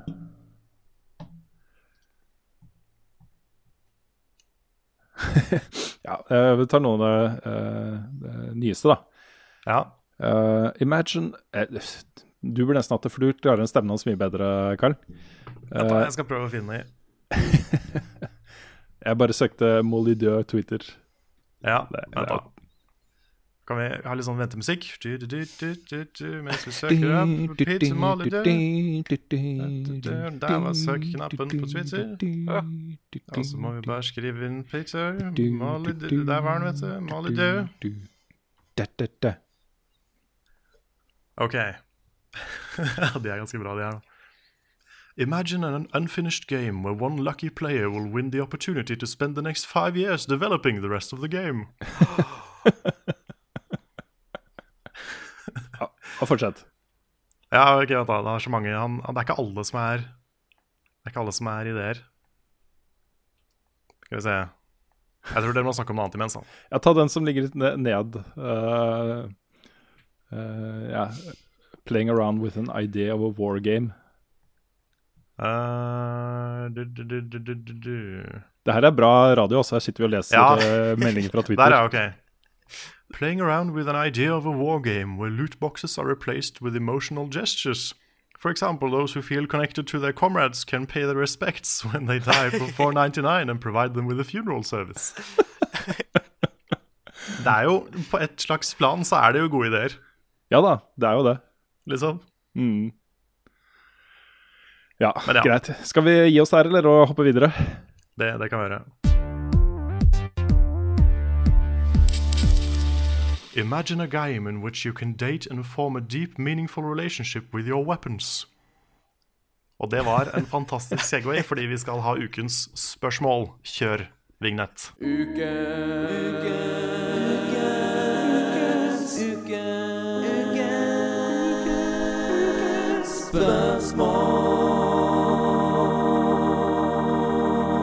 Og ukens spørsmål kommer fra hvem, Rune? Eh, David Pollen Stavik, eh, den ene halvparten av de eh, legendariske Pollen Stavik-brødrene, som jo var katalysatorene for Level Up Community og kampanjen for å få oss til å slutte i VG og starte eh, for oss selv. Stemmer, stemmer. Mm. Og hva er spørsmålet? Ja, spørsmålet er uh, rett og slett memorable guns. Har dere noen? Vi har uh, utvida litt til å bare snakke om våpen i spill. Ja. uh, vi fikk da en idé om å lage en toppliste, uh, våre favorittvåpen i spill. Og jeg har også på min liste utvida til litt Det er ikke bare våpen, det er på en måte gadgets man bruker også. Så Det er greit. Eh, vi tok det som en anledning til å gå litt gjennom, eh, eh, gjennom de våpnene som vi da, eh, som Peter Molydø snakker om, har fått et nært og varmt forhold til opp gjennom åra. Mm. Hvem har lyst til å begynne? Ikke jeg. begynne, Nick? Nei, nei, Nei, ok, Nick vil ikke begynne. Skal jeg begynne? Eh, ja, Du kan begynne. du kan begynne. Ok, Jeg har jo noen litt løse definisjoner på våpen her, da. Mm. Men jeg kan jo begynne med, med femteplassen, som jeg gir til en Deviator fra Dune. Som er mer en unit enn et våpen, men jeg, jeg velger å se på det som et våpen. Mm. Fordi den, eh, det den gjør, er at den kan skyte sånne litt sånn random raketter som du ikke helt vet om treffer. Men hvis de treffer, så gjør de fiendenes units til dine i en kort periode. Ja. Og du kan ha det så gøy med det. For Kult. du kan jo bare kjøre de inn i din base, ikke sant? Mellom sånn, altså Midt imellom fem forskjellige tanks og vente på at den skal bli seg sjøl igjen. Og da bare tar de automatisk og bare tilintetgjør den, ikke sant. Mm. Så det er kjempegøy. Fett. Så det er, det er sånn fin, fin, fin unit som, som Ordos har i Dune, som du bare kan, kan leke masse med. Så det er gøy. Mm. Skal, vi, skal jeg ta alle mine først? Ja, bare ta, ta lista di. Ok. Eh, På fjerdeplass har jeg satt uh, Latzekraftwerk fra Wolfenstein. Ja, kult. Fordi den, er, eh, den kan du bruke til så mye. Mm. Den tegner med og Kjempegøy. Bra Eh, våpen. Veldig bra våpen. På tredjeplass har jeg pizzakutteren fra Bloodborne. Mhm. Fordi den er, eh, det er jo det morsomste våpenet å bruke i Bloodborne. På andreplass har jeg satt Oathkeeper og Oblivion fra Kingdom Hearts. Da spesifikt hvis du bruker de sammen, for det er, det er litt fett. Mm. Og helt på førsteplass så har jeg satt Portal Gun. Nettopp. Fordi for, for, Av åpenbare grunner, egentlig. Ja, ja, ja, det er jo uh, Ja. Yes, det er min liste. Du kan jo bruke det som våpen også, faktisk. Så, mm. kan, selv om det er, det er laget portaler. mer et redskap enn et våpen, men likevel. Mm. Veldig bra våpen. Det er, Det er, Ja. det er et våpen som eh, revolusjonerte gaming. Ja. Mm. Eh, har du lyst til å fortsette, Nick, eller skal jeg ta over? Ja, eh, jeg kan fortsette. Uh, På femteplass så har jeg Eller vent, kan jeg ta noen honorable mentions? Absolutt. Ja, jeg, har, jeg må avsløre da at jeg har, jeg har en topp ti-liste, og det er til og med delt tiendeplass, så Oi, oi. Dæven døtte. Ah, nei, fordi uh, honorable mentions uh, Winchester Rifle fra Red Dead Redemption. Den, mm. den fikk jeg til og med i gull på Red Dead Redemption multiplayer. Oi, Ja, oi, ja, ja. oi. Så jeg har drept mange med den. Og så prøvde jeg å finne en skikkelig god revolver fra et eller annet spill. Men den jeg, jeg har lyst til å finne en sånn revolver som funker litt som golden gun i Destiny. da Så hvis det er noen som har Mhm. noen bra revolver, så, så tar jeg den, da. Du har jo uh, eh, Golden Gun i uh, Golden Eye. Ja, jeg, tenkte Ja. litt på den. Men, det, men, men det er liksom Det er en gullpistol. Det er liksom ikke en ordentlig revolver. Det, skal smelle litt, ikke sant? Mm. For eksempel den revolveren vi brukte i det der, eh, da vi spilte Murder. Det er en ordentlig revolver. Mm. Ja, ikke sant? Ja, det, Ja, du har Magnumen fra Half-Life. ja den, den går. Mm, Ja. Den er eh, helt rå. Ja, det, det er en revolver. Ja, men da tar vi Mhm. den. Og den siste honorable mentions, det er Blade of Olympus fra God of War. For det som er kult med det sverdet, er at eh, det er veldig sterkt, men du kan skyte sånne stråler med det. Så det er Mm. både close range og long range. Så du velger det foran eh, Blades of Chaos? Ja, Eller eh, er det, er det, har du det på lista di? kanskje det er på lista. Kanskje det er på lista. Ok, greit. Ok, Uh, På femteplass så har jeg Hunters Axe fra Bloodborne. Fordi det er Mm. Det er et av de første våpnene du kan Du kan velge mellom den Den derre stokken og den derre Den Cleaver, hva det heter? Den der eh, som Ja, velger så, Sovkliveren, ja. Jeg så Cleaver. Og jeg husker at eh, jeg var ikke sånn veldig imponert over de første våpna til Bloodborne, så jeg bare valgte øksa, fordi det, det, den er kul nok, I guess. Men den Hunters Axe viste meg hvor kult øks er som et våpen, da. Mm. Og etter at jeg var ferdig med Bloodborne med bare den øksa Jeg ble så glad i den øksa at jeg brukte bare den gjennom hele spillet. Da tenkte jeg at vet du øks er faktisk et dritkult våpen. Så Det nå, så nå bruker jeg øks i andre spill og sånn, og derfor gleder jeg meg ekstra mye til God of War, for der er det jo enda en ny øks. Ja, den øksa jo, har jo liksom en del av de samme egenskapene som uh, Thors hammer. Du kan liksom pælme den, og så kommer den tilbake. Og den der følelsen av å ha glemt øksa di, og så den ligger igjen på slagmarken, og du har gått et stykke videre, og så bare trykker du på den der hjem-knappen, Ja. så ser du bare Kratos tar ut hånda si, og så kommer bare øksa pang rett inn i hånda hans. Det er så kult. Åh, det er så tilfredsstillende, altså. Er det egentlig en ting i norrøn mytologi at du kan liksom kalle våpnene dine tilbake, eller er det bare liksom God of War og Marvel som har gjort det til det? Det, det, det. Jo, Thors hammer er bare sånn. Den uh, kunne var han pælma av gårde. Ja, ja. Men jeg vet ikke om det var det samme, av samme grunnene. Den Thors hammer er vel lagd av et eller annet materiale fra en eller annen stjerne et eller annet sted i universet, Mm. eller noe sånt, i Marvel-filmen. Ja, da. den er litt uh, sånn magical. Ikke sant? Ja, ja, for nå tenker jeg liksom mytologi. Mm. Ja. At eh, om, om Thor sin hammer kunne gjøre det. Jeg tror han Jeg vet ikke. Jeg husker ikke. Jeg, ja. Men i hvert fall eh, Men altså, det var Hunter 6. Eh, på fjerdeplass så har jeg The Flail Gun fra Bulletstorm. aha. Og ja, Rune veit iallfall hvilken gun det er? Eller? Mm. Ja, Carl, vet du hva The Flail Gun er? Det tror jeg ikke. Det er en sånn derre Det blir lett å vise det på kamera, men det er en det er, det er en sånn her, Du skyter ut to baller og en sånn eh, snor, ikke sant? Bare at det er granater isteden. Og de sirkler seg rundt karakteren, ikke sant? Eller de du skyter mot. Og så kan du detonere det og sånn. Og det du kan gjøre, er at eh, eh, alle våpen har sånn der uh, alternative fire, hvor du liksom Du setter våpenet i høygir, og da blir den uh, tråden Den blir varm, så da kan den kutte gjennom ting også. Mm. Så du, du kan bruke den både til liksom knerte folk med eksplosiver, eller hvis den uh, snora treffer dem, da. Mm. Det er veldig kult. Nice. Mm, det er ordent- ordentlig weapon, for å si det sånn. Og på tredjeplass så har jeg The Plasma Cutter fra Dead Space. Ja, selvfølgelig. Den er jo dritkul. Mm. Og den er, den er så kul fordi det, det er et verktøy, ikke sant? Fordi du er jo en engineer. Og en av de Mm. kuleste tinga i Dead Space er at du er ikke en sånn actionhelt. Du er bare en engineer som dro på det, det romskipet for å fikse ting med din plasma cutter. Men så blir det et av de beste våpnene dine, ikke sant? Mm. Og jeg, jeg, det er noe skikkelig badass med det. At du bare bruker verktøy for å drepe fiendtlige aliens.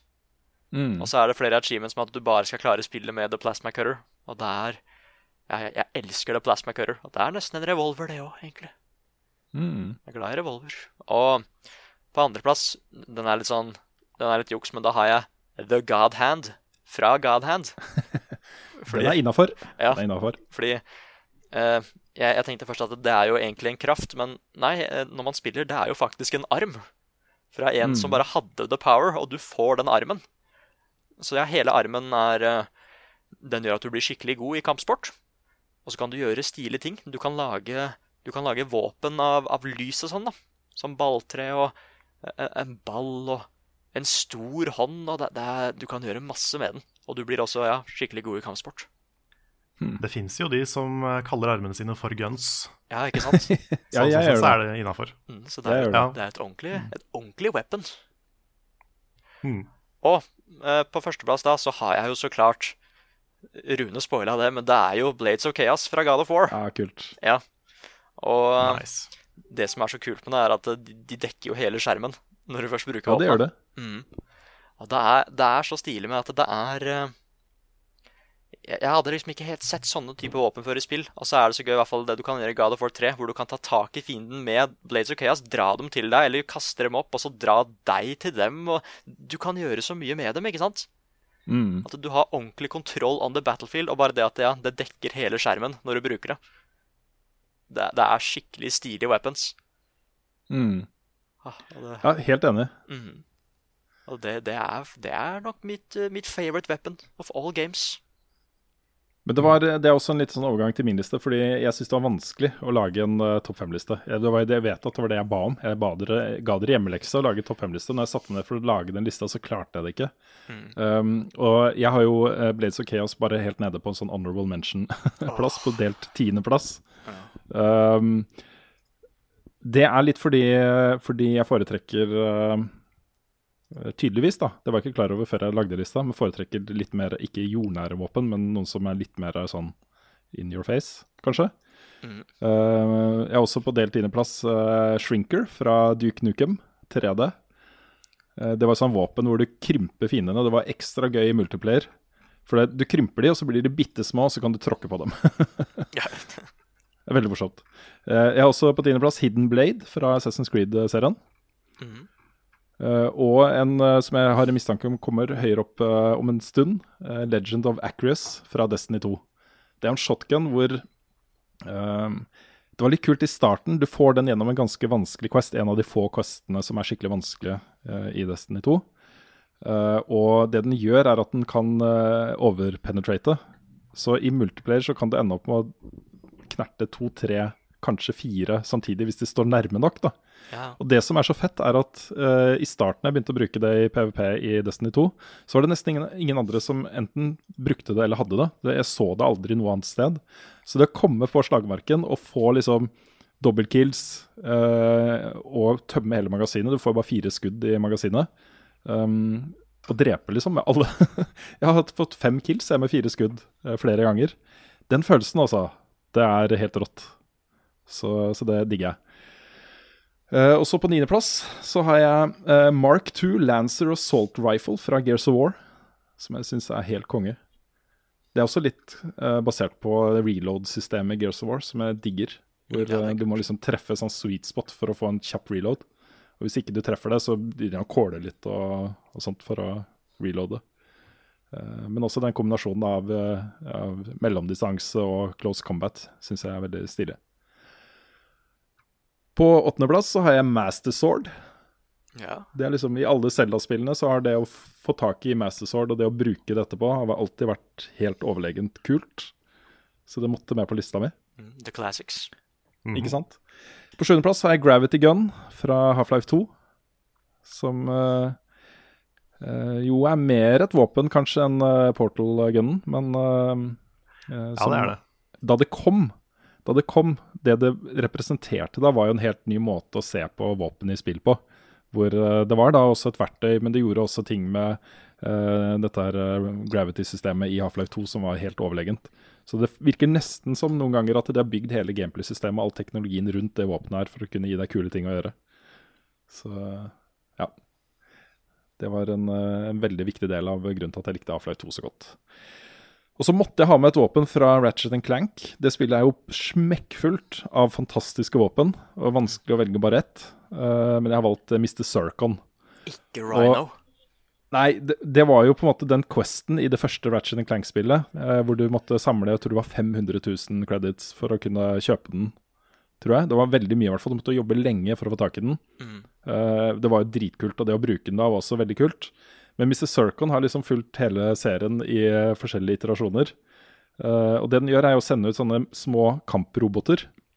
Og de gjør ikke så mye damage, men de har uh, så utrolig kul personlighet. Og I starten så var det Mr. Circon og sønnen hans, tror jeg. Og etter hvert seinere spill så blir det en hel familie da, med mor og en søster og hele pakka, liksom. En hel gjeng som kommer ut etter hvert som de oppgraderes. Uh, og de kommer da ut med sånne sitater som eh, Uh, are you ready to die? Good, because Mr. Zircon is ready to kill. Um, I shall let you live, little Alan. Psych, Mr. Zircon lives only to kill. Du går ut og så snakker hele tiden da, mens de flyr rundt og bare pew-pew. det er veldig morsomme. Um, på femteplass uh, har jeg det Dere har sagt feil, uh, begge to. Uh, den, det våpenet heter egentlig Aperture Science Handheld Portal Device. Ja. Mm. Sure. Det er jo, det er Portal Gun. Ja, Mm. Portal Gun. Uh, på fjerdeplass Railgun fra Quake. Det er et uh, Å, den skulle jeg hatt med et eller annet sted, skjønner jeg. Ja, jeg visste du hadde glemt noe, Nick. Ja, Men det- Railgun er uh, helt konge. Og så uh, Både som et sånn primærvåpen, men først og fremst som et finishervåpen. Hvor du kanskje først uh, får de til å fly i lufta med en rocket, og så dra fram railgunnen, og du har liksom utrolig fin traje- trajectory, og så bane på de folka som er i lufta. Du kan bare vente og så bare naile dem med railgun. Det Slik er, det er ikke noe igjen når du først treffer med det. Nei, nei. Det er fullstendig oppløst i, i jibs. så ja. eh, Jeg spilte jo også Quake 3 utrolig mye, så ble jeg glad i det våpenet. På tredjeplass har jeg et litt sånn Jeg ble litt overraska over at jeg satte så høyt. eh, men jeg klarte ikke å Det flytta seg høyere opp på lista mi hele tiden. Det er et våpen som jeg ikke er helt sikker på hvordan man uttaler det, men det er uh, uh, Frankie Spas 12 Semi-Automatic Assault Shotgun fra Half-Life 1. Uh, og Half-Life 1 spilte utrolig mye multiplayer. Eh, og det som var eh, litt kult med det laget jeg spilte på, var at vi hadde litt sånn forskjellige roller. Eh, og min rolle det var å passe på ting i eh, close quarters. Eh, og da sto jeg der med shotgunen min, og den hadde jo en sånn funksjon hvor den var ganske kjapp å skyte enkeltskudd. Hvis du tok uh, altfire på den, så skjøt den to skudd samtidig. Så det å liksom vente på folk kommer rundt hjørnet, og der står jeg bare klar med hagla mi og bare blam! I et spill som egentlig var mye mer range-fokusert, syns jeg var dødsgøy. Uh, så det våpenet ble jeg veldig, veldig glad i. Uh, Andreplass. Eh, vi har jo valgt hvert vårt uh, Bloodborne-våpen her. Eh, mitt våpen er Ludvigs Holy Blade. Ja. Mm. Eh, og grunnen til at jeg valgte det våpenet, var rett og slett fordi altså, Det var jo du som anbefalte det, Karl, da vi spilte, spilte Bloodborne i Film i tull. Stemmer. Uh, det var det å på en måte lære seg å bruke det våpenet skikkelig. Og uh, eh, også hvordan spillet åpna seg opp. Hvordan jeg følte meg empowered i dette spillet her. Uh, det løfta hele opplevelsen for meg. Da var jeg allerede ganske god i Bloodborne da jeg begynte å bruke det våpenet. Men det våpenet gjorde at det liksom Ja, hele opplevelsen ble bedre. Er det den Eh, hammeren, eller tenker jeg på noe annet nå? Nei, det er et øh, øh, ganske kort, vanlig sverd i primærfunksjon. Og når du er øh, tohånda, så blir det sånn langt sverd. Ah, Ja, sånn kjempe Sånn great sword. Ja. Ah, ok. Ja, jeg, jeg, tenkte, jeg tenkte på det sverdet som eh, du putter inn i hammeren, så blir en sånn stor uh, Ja, ja. Kirk Hammer, ja. Kirk Hammer, var det. Ja, Mm. det var sånn det var. Jeg syns også det våpenet passa best til måten jeg likte å spille Bloodborne på. Mm. Så øh, det var både et kjapt uh, enhåndssverd og uh, et mer sånn taktisk massive damage-våpen. Mm. Må også gi en shout-out til Blade of Mercy der. For det er jo Mm. det motsatte. Ja, For det er veldig veldig kjapt og dritgøy å bruke når du begynner å bli vant til det. Ja, jeg har fortsatt ikke gjort en gjennomspilling med trick Det heter ikke trick, skill-våpen, er det det vel heter? Skill-våpen, ja. Ja, eh, i Bloodborne ennå, så det er på en måte det neste på lista for meg. Når jeg tar opp Bloodborne igjen, så er det det jeg skal gjøre. Mm. Også på førsteplass, det er egentlig mange våpen. Men jeg har valgt ett av dem. Jeg måtte ha med et våpen fra Destiny, fordi uh, våpnene i Destiny 1 uh, er, mener jeg, da, uh, den beste samlingen av våpen i et eh, litt sånn uh, actionfylt, uh, uh, superbasert uh, skytespill noen gang. Det er så mange våpen med så mye personlighet der, eh, og eh, følelsen av å bruke de er liksom mye av grunnen til at jeg kom tilbake og tilbake. Eh, og det våpenet jeg har valgt ut, er ikke det åpenbare. Jeg har liksom Jallaror, Vision of Confluence på sånn honorable mentions der, men det er en, den første legendary handcannon som jeg fikk, og som jeg endte opp med å bruke dritlenge, uh, som heter The Devil You Know.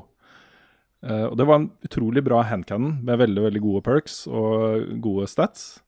Eh, og kunne brukes til egentlig det aller, aller meste. Og eh, det var det våpenet jeg begynte å bruke da eh, Destiny klikka på plass for meg. Og da jeg fortsatte å bruke helt til handcans ble nerfa ut av metaen. Så ja. Så det var min førsteplass. yeah. Yes. Jeg kom, på en, jeg kom på en liten honorable mention til, forresten. Mm. Må ha med meg Concrete Donkey fra Worms.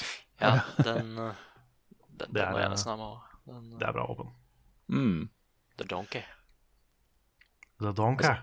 Altså Skytespill er jo litt, eller actionspill egentlig, er jo litt sånn våpenporno. Men uh, Ja det, det har jo mye å si. Også eh, hvordan disse våpnene føles, og hva slags egenskaper de har, og alle de tingene der. Det har, jeg syns det har så mye å si for opplevelsen i et uh, actionspill. Viktig, altså. Mm. Mm. Ja, skal vi eh, hoppe videre på litt flere spørsmål? Det kan vi gjøre. Ja, jeg har et spørsmål her fra Skal vi se um, Daniel Kvien han spør kunne det vært aktuelt med en spoilercast for filmer, eller er det utelukkende for spill? Jeg vet ikke. Det er jo litt organisering å få til uh, disse podkastene, særlig hvis ikke det er faste podkaster. Altså, Denne podkasten spiller jo med faste folk på faste tidspunkt hver uke, så det er jo ganske lett å få til. Men hvis man skal ha spoilercast, så må man liksom organisere mer. Det er sant. Vi har ganske travle hverdager, altså. Ja, det går jo an, um, f.eks. på slutten av en eh, vanlig podcast, å ta en liten minispoilercast av en film alle har sett, f.eks. Mm. Uh, som vi gjorde med Vi gjorde vel det et par ganger med Game of Thrones i fjor. Mm. Så, så det går jo an, hvis vi har uh, sett eller spilt alle sammen. Vi har jo ennå ikke satt opp vår uh, spoilercast av Doki Doki. Det, Nei, det må vi, det må vi få gjort. mm. Ja, det må vi nesten få gjort, altså. Mm. Jeg har, eh, har tid i påsken, tror jeg. Ja. Kanskje da er det tid. Kanskje da er det tid. Mm. Um, vi har også et uh, spørsmål fra Skal vi se Hvor var det? Jeg trodde jeg hadde det, og så hadde jeg Der var det. Det er fra Henning Østrem uh, Rodsvit, som sier han deler entusiasmen for utvalget av spill i PlayStation Plus i mars, men er regelrett uenig i at de er gratis. Hvis man prøver å laste dem ned, må man betale for et abonnement. Poenget mitt er altså er det riktig å omtale spill fra abonnementsløsninger som gratis. Dette tør jeg påstå at har blitt gjort konsekvent i samtlige, podcaster i hele mars. Jeg for, forstår at dere gjør det, men det føles veldig feil for meg. Det er jo et poeng. ja, vi burde ha poengtert at, uh, at PlayStation Plus-abonnementet koster penger. Hva er det det koster? Ja. Er det sånn 450 i året eller noe sånt, er det ikke det? Jeg lurer på om det er noe sånt. Ja, rundt der et sted. Så det er jo ikke gratis. Uh, uh, og eh, helt opplagt feil av oss å omtale det som gratis. Så beklager det. Uh, grunnen til at jeg gjør det, det er vel mer det at jeg føler at det jeg betaler for, er mer online. Fordi også online-spilling er jo også lukka bak PlayStation Plus. Du må ha det for å spille online. Så det var ikke derfor jeg begynte å betale for Pluss-abonnement, for å få gratis spill. Ikke gratis spill, men, men spill. um, Det var for å Ja, kunne for det- spille mot, mot andre. Det er mer riktig å si at det er gratis på PlayStation Plus. Uh, Ja, det- feil, feil å si gratis på PlayStation 4. Ja, fordi det, jeg mener å huske at jeg i hvert fall har prøvd å si at det er gratis på PlayStation Plus. Um, men uh, det kan ha glippet en del ganger også. Uh, Ja, for du kan, jo, du kan jo trekke det enda lenger og si at liksom ingenting på PlayStation 4 er gratis fordi du må kjøpe en PlayStation 4. mm, Men ehm, ja. Nei, det er, det er liksom gratis innenfor et abonnement, da. Eller innenfor et, et annet kjøp. Så det er jo ikke, Ja, ikke det er jo ikke riktig å, kalle det gratis.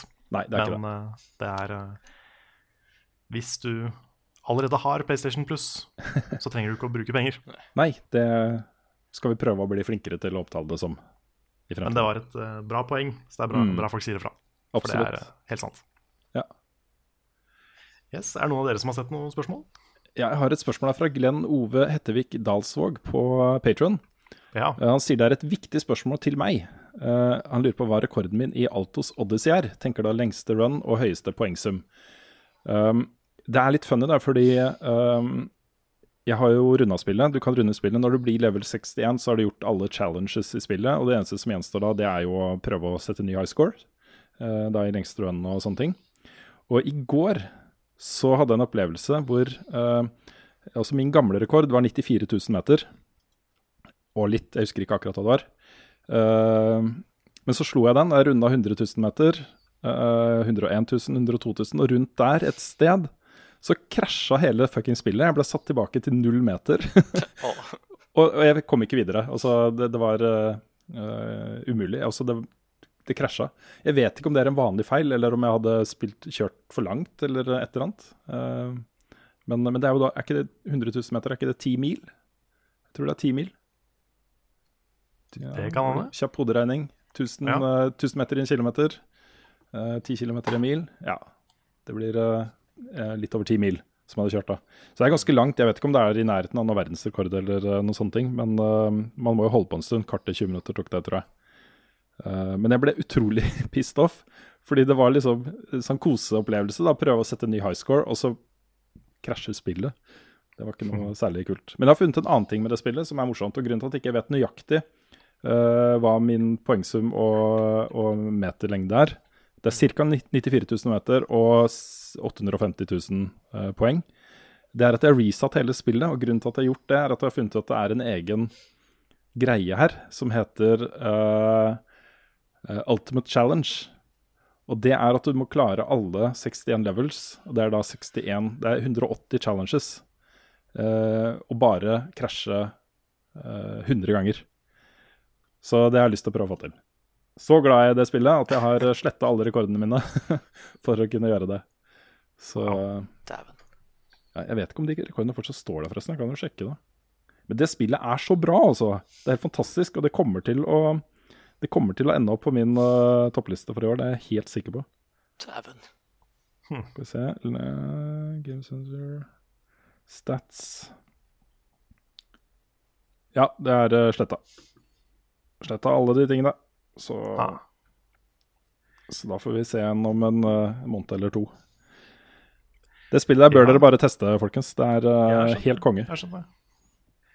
Um, her er spørsmålet fra Christian Laksmark. Et viktig spørsmål. Gulost eller brunost? Hmm. Uh, Begge de to tingene er jeg mest glad i med noe annet til. ja, det er det jeg tenker. gulost så er jeg glad i sånn skinke og sennep og, og sånne ting. Uh, og kaviar. Brunost så er veldig godt med syltetøy eller honning. honning. Mhm. Men vafler vafler med smør, brunost og syltetøy er uslåelig. Så jeg tror jeg må gå for Ja, brunost. det, jeg tenkte mest på vafler, ja. Det jeg tror det må bli brunost, altså. Ja, de har, de har jo de der legendariske vaflene på retrospillmessa. Eh, og det er de beste brunostvaflene som fins i verden, er jeg overbevist om. The Mm. waffles. The Waffles. Oi. Men siden gulost er ingrediens i lasagne, pizza og alt annet som er Og du tok den, ja? ja, da Ja, blir det julost, altså. Jeg tenkte liksom bare brødskiver og sånne ting. Ja. Ja, nå, nå tenker jeg hele konseptet. Hele konseptet gulost versus eh, brunost. Så jeg tror, Mm. jeg, for meg så må det bli gulost, altså. ja. All right. Akseptabelt. Ja, det får... Ja. Ja, Har vi noen flere spørsmål, eller skal, er det på tide å runde av? Jeg, Jeg, jeg fant en, en til meg, da. OK, ja, For kjør det, på. for det er eh, Kristoffer spør om, eh, siden jeg er i podkast nå, om det er på tide med flere topp ti-lister igjen. Og det Jeg sier jo alltid det at ja, jeg er straks ferdig med en liste, men det, det, det tar så lang tid å lage det. Og så har jeg vært litt lat på de greiene der, egentlig.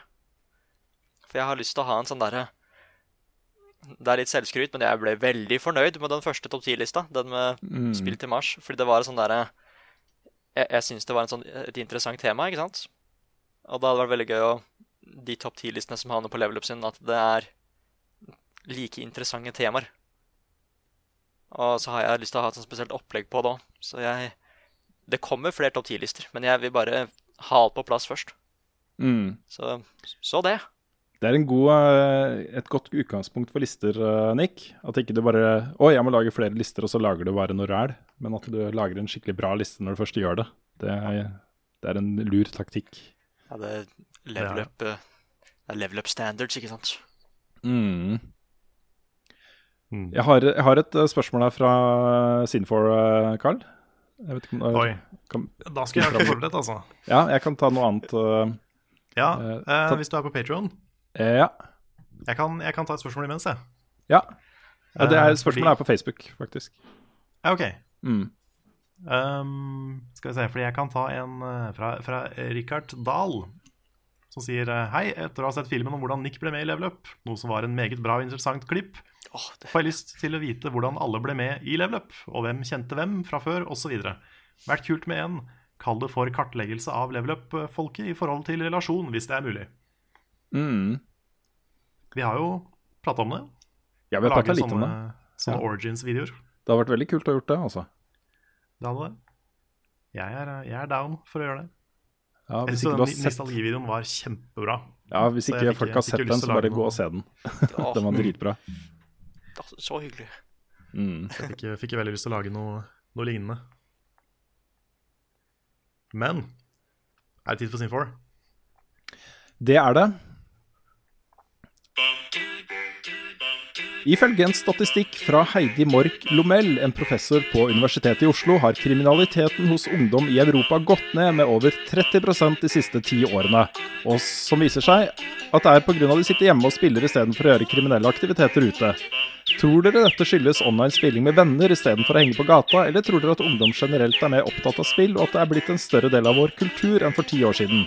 Sorry for langt spørsmål denne gangen. Og Spørsmålet er da fra Trond eh, Borgersen, eh, også kjent som Sinfor, Sin4, eller Sinfor, eller eh, Ja, Ja. eh, det har vel dere spurt Jeg om, tror jeg. jeg håper vi har sagt Sinfor riktig, for vi har sagt det veldig mange ganger. Ja, veldig, veldig mange ganger. Sinfor? Sinfor. Å ja, den, musikken, er det Undertale? Det er Undertale. Ja, fordi det Ja, vet jeg nå, vet du. Ja, det er bra. Mm. Uh, nei, Spørsmålet er interessant. Jeg vet ikke om det er noe fasit på det. Jeg vet ikke om man kan si, peke på spillen og si at det er grunnen til at eh, ungdomskriminalitet har gått ned, uh, eller ikke. Det, det vet jeg ikke. Men eh, jeg syns spørsmålet er godt fordi det er en sånn generell oppfatning av at, eh, at folk er så mye mer voldelige eh, om dagen. At uh, uh, ungdomsvold og ungdomskriminalitet øker. At kriminaliteten i samfunnet generelt øker. Men denne statistikken, også en eh, forsker som heter Pinker, David Pinker eller noe sånt, jeg husker ikke helt hva han heter, eh, poengterer jo liksom at vi lever i de mest fredelige, ikke-voldelige tidene i menneskehetens historie. Um, og når folk liksom snakker om at spill har liksom ført til mer vold og sånne ting, så kan man jo bare peke på statistikk og si at det ikke stemmer. Altså, det er, jo- kurven går jo motsatt vei, ikke sant? Uh, så Derfor så, så syns jeg det er interessant, uh, en interessant statistikk å bare peke på at vet du hva, det er ikke sånn at folk som spiller dataspill, eh, blir mer voldelige. Det, det kan vi vise statistikk på, ikke sant? Mm. Så jeg vet ikke, hva tror dere? Tror dere spill fører til mindre kriminalitet, eller tror dere at det er samfunnsutviklinga generelt som har eh, Eh, Jeg tror vel mest det andre. Jeg tror, Mm. altså, For noen så har sikkert uh, spill et slags Altså, så kan sikkert spill funke som et slags utløp for Mm. aggresjon. mm. Um, men sånn generelt så tror jeg vel ikke det er voldsomt relatert. Nei. Det eneste jeg kommer på med spill, er den sosiale delen, tenker jeg. Mm. Jeg tenker den har veldig mye å si på akkurat den gangen der. Ja, altså det at du har et, eh, et nettverk hvor du føler deg akseptert og kompetent og får til ting og sånt, har jo eh, Man trenger ikke doktorgrad i psykologi for å skjønne at det kan ha en positiv effekt. Men uh, Nei, ja. altså, Men hvis du, blir, hvis du blir sittende hjemme og game med venner på, over nett, da, så er jo sjansen større for at du istedenfor å være ute og klatre i trærne og kanskje stjele noe på butikken, så stjeler du isteden litt sjokolade fra kjøleskapet. Ikke sant? Og det er ikke like ulovlig. Det er jo ikke det. Så jeg veit ikke. Nei. Vi har det mye bedre om dagen enn eh, enn mange vil ha det til, er vel egentlig poenget mitt. Ja, jeg tror ikke det er eh, helt doom and gloom. Niks. Jeg, Eh, fant, eh, jeg fant et spørsmål til, da. OK. Fra Jeg vet ikke åssen jeg skal si det her. Fo Folky and Fox Burrito Ja. på Patreon. Han sier jeg er av det inntrykket at, av at folk blir sinna på spill hele tiden, så det å være litt mer forstående og positiv er bedre. Men i forrige ukes podkast sa dere at det er bedre å være for streng enn for snill. Kan dere utdype dette litt? Grann? Jeg antar dere har litt mer peiling på å anmelde spill enn det jeg har. Ja, det, er, eh, det var jo litt um, feil tolkning av begrepet streng og snill, tror jeg. Hvis okay. det er det jeg tenker ja. Ja, fordi det det handler om, er jo bare å uh, Altså det å, kunne, det å angre på at man har vært og gitt en for høy karakter, er verre enn å angre på at man har gitt en for lav karakter. Så det handler bare om å heve lista for hvor man skal legge liksom, kritikken sin uh, av spill. Ja. da. Ikke at man skal gå rundt og være sint, på en måte. Nei. Nei, Nei, det handler ikke om at man skal være mer sinna som anmelder. Nei. Det er heller, heller det du sier, at uh, bare vær, vær litt uh, Pass på hvor, hvor høy score du gir. Mm. Fordi hvis du bare kaster fra deg tiere, så kommer plutselig et tierspill, og så får du ikke artikulert hvor bra det faktisk er. Mm. Det er sant. Eh, ja, jeg vil bare svare kjapt på det. Det er fra Fredrik Stordal, som lurer på om jeg fortsatt spiller Destiny, om jeg tror den nye updaten vil få spillerne tilbake.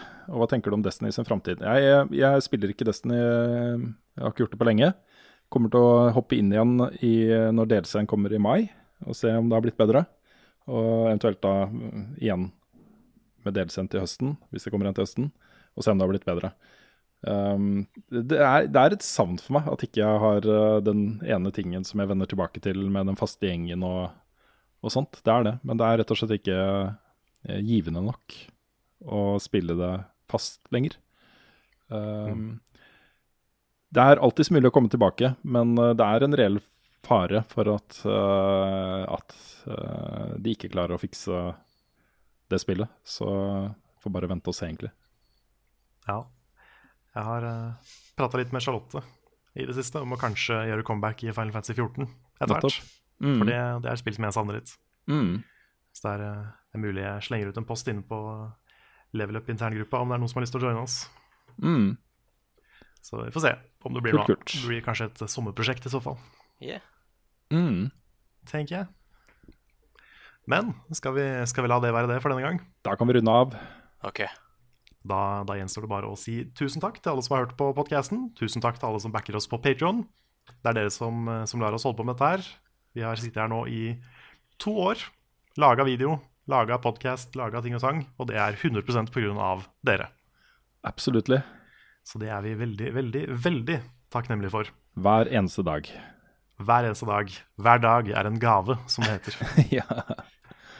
Takk til deg også, Nick. Det var kult Ja, at du kunne, kunne være med. Det var hyggelig å få lov til å være med. Det er alltid, alltid lov å være med, altså. Ja. Jeg gleder meg sånn til å spille Way Out med deg. Det blir helt konge. Jeg gleder meg til det. T tomorrow. Yes. Jeg skal til Eller, eller i dag. Den podkasten kommer jo i dag. På Ja, det gjør den. Mm. Ja. Jeg skal tenke på hvor gøy dere har det når jeg sitter hos tannlegen og borer og dritt. Ja, det blir fint. Det blir, det blir bra. Mm. OK. Takk for nå, og ha det bra.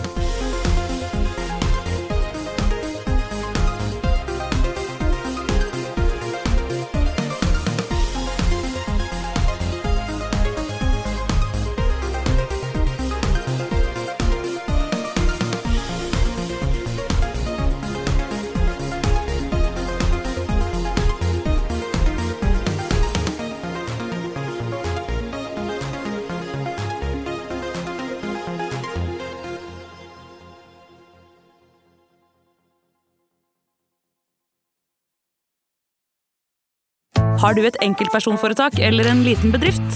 Da er du sikkert lei av å høre meg snakke om hvor enkelt det er med kvitteringer og bilag i fiken, så vi eh, gir oss her, vi. Fordi vi liker enkelt. Fiken superenkelt regnskap.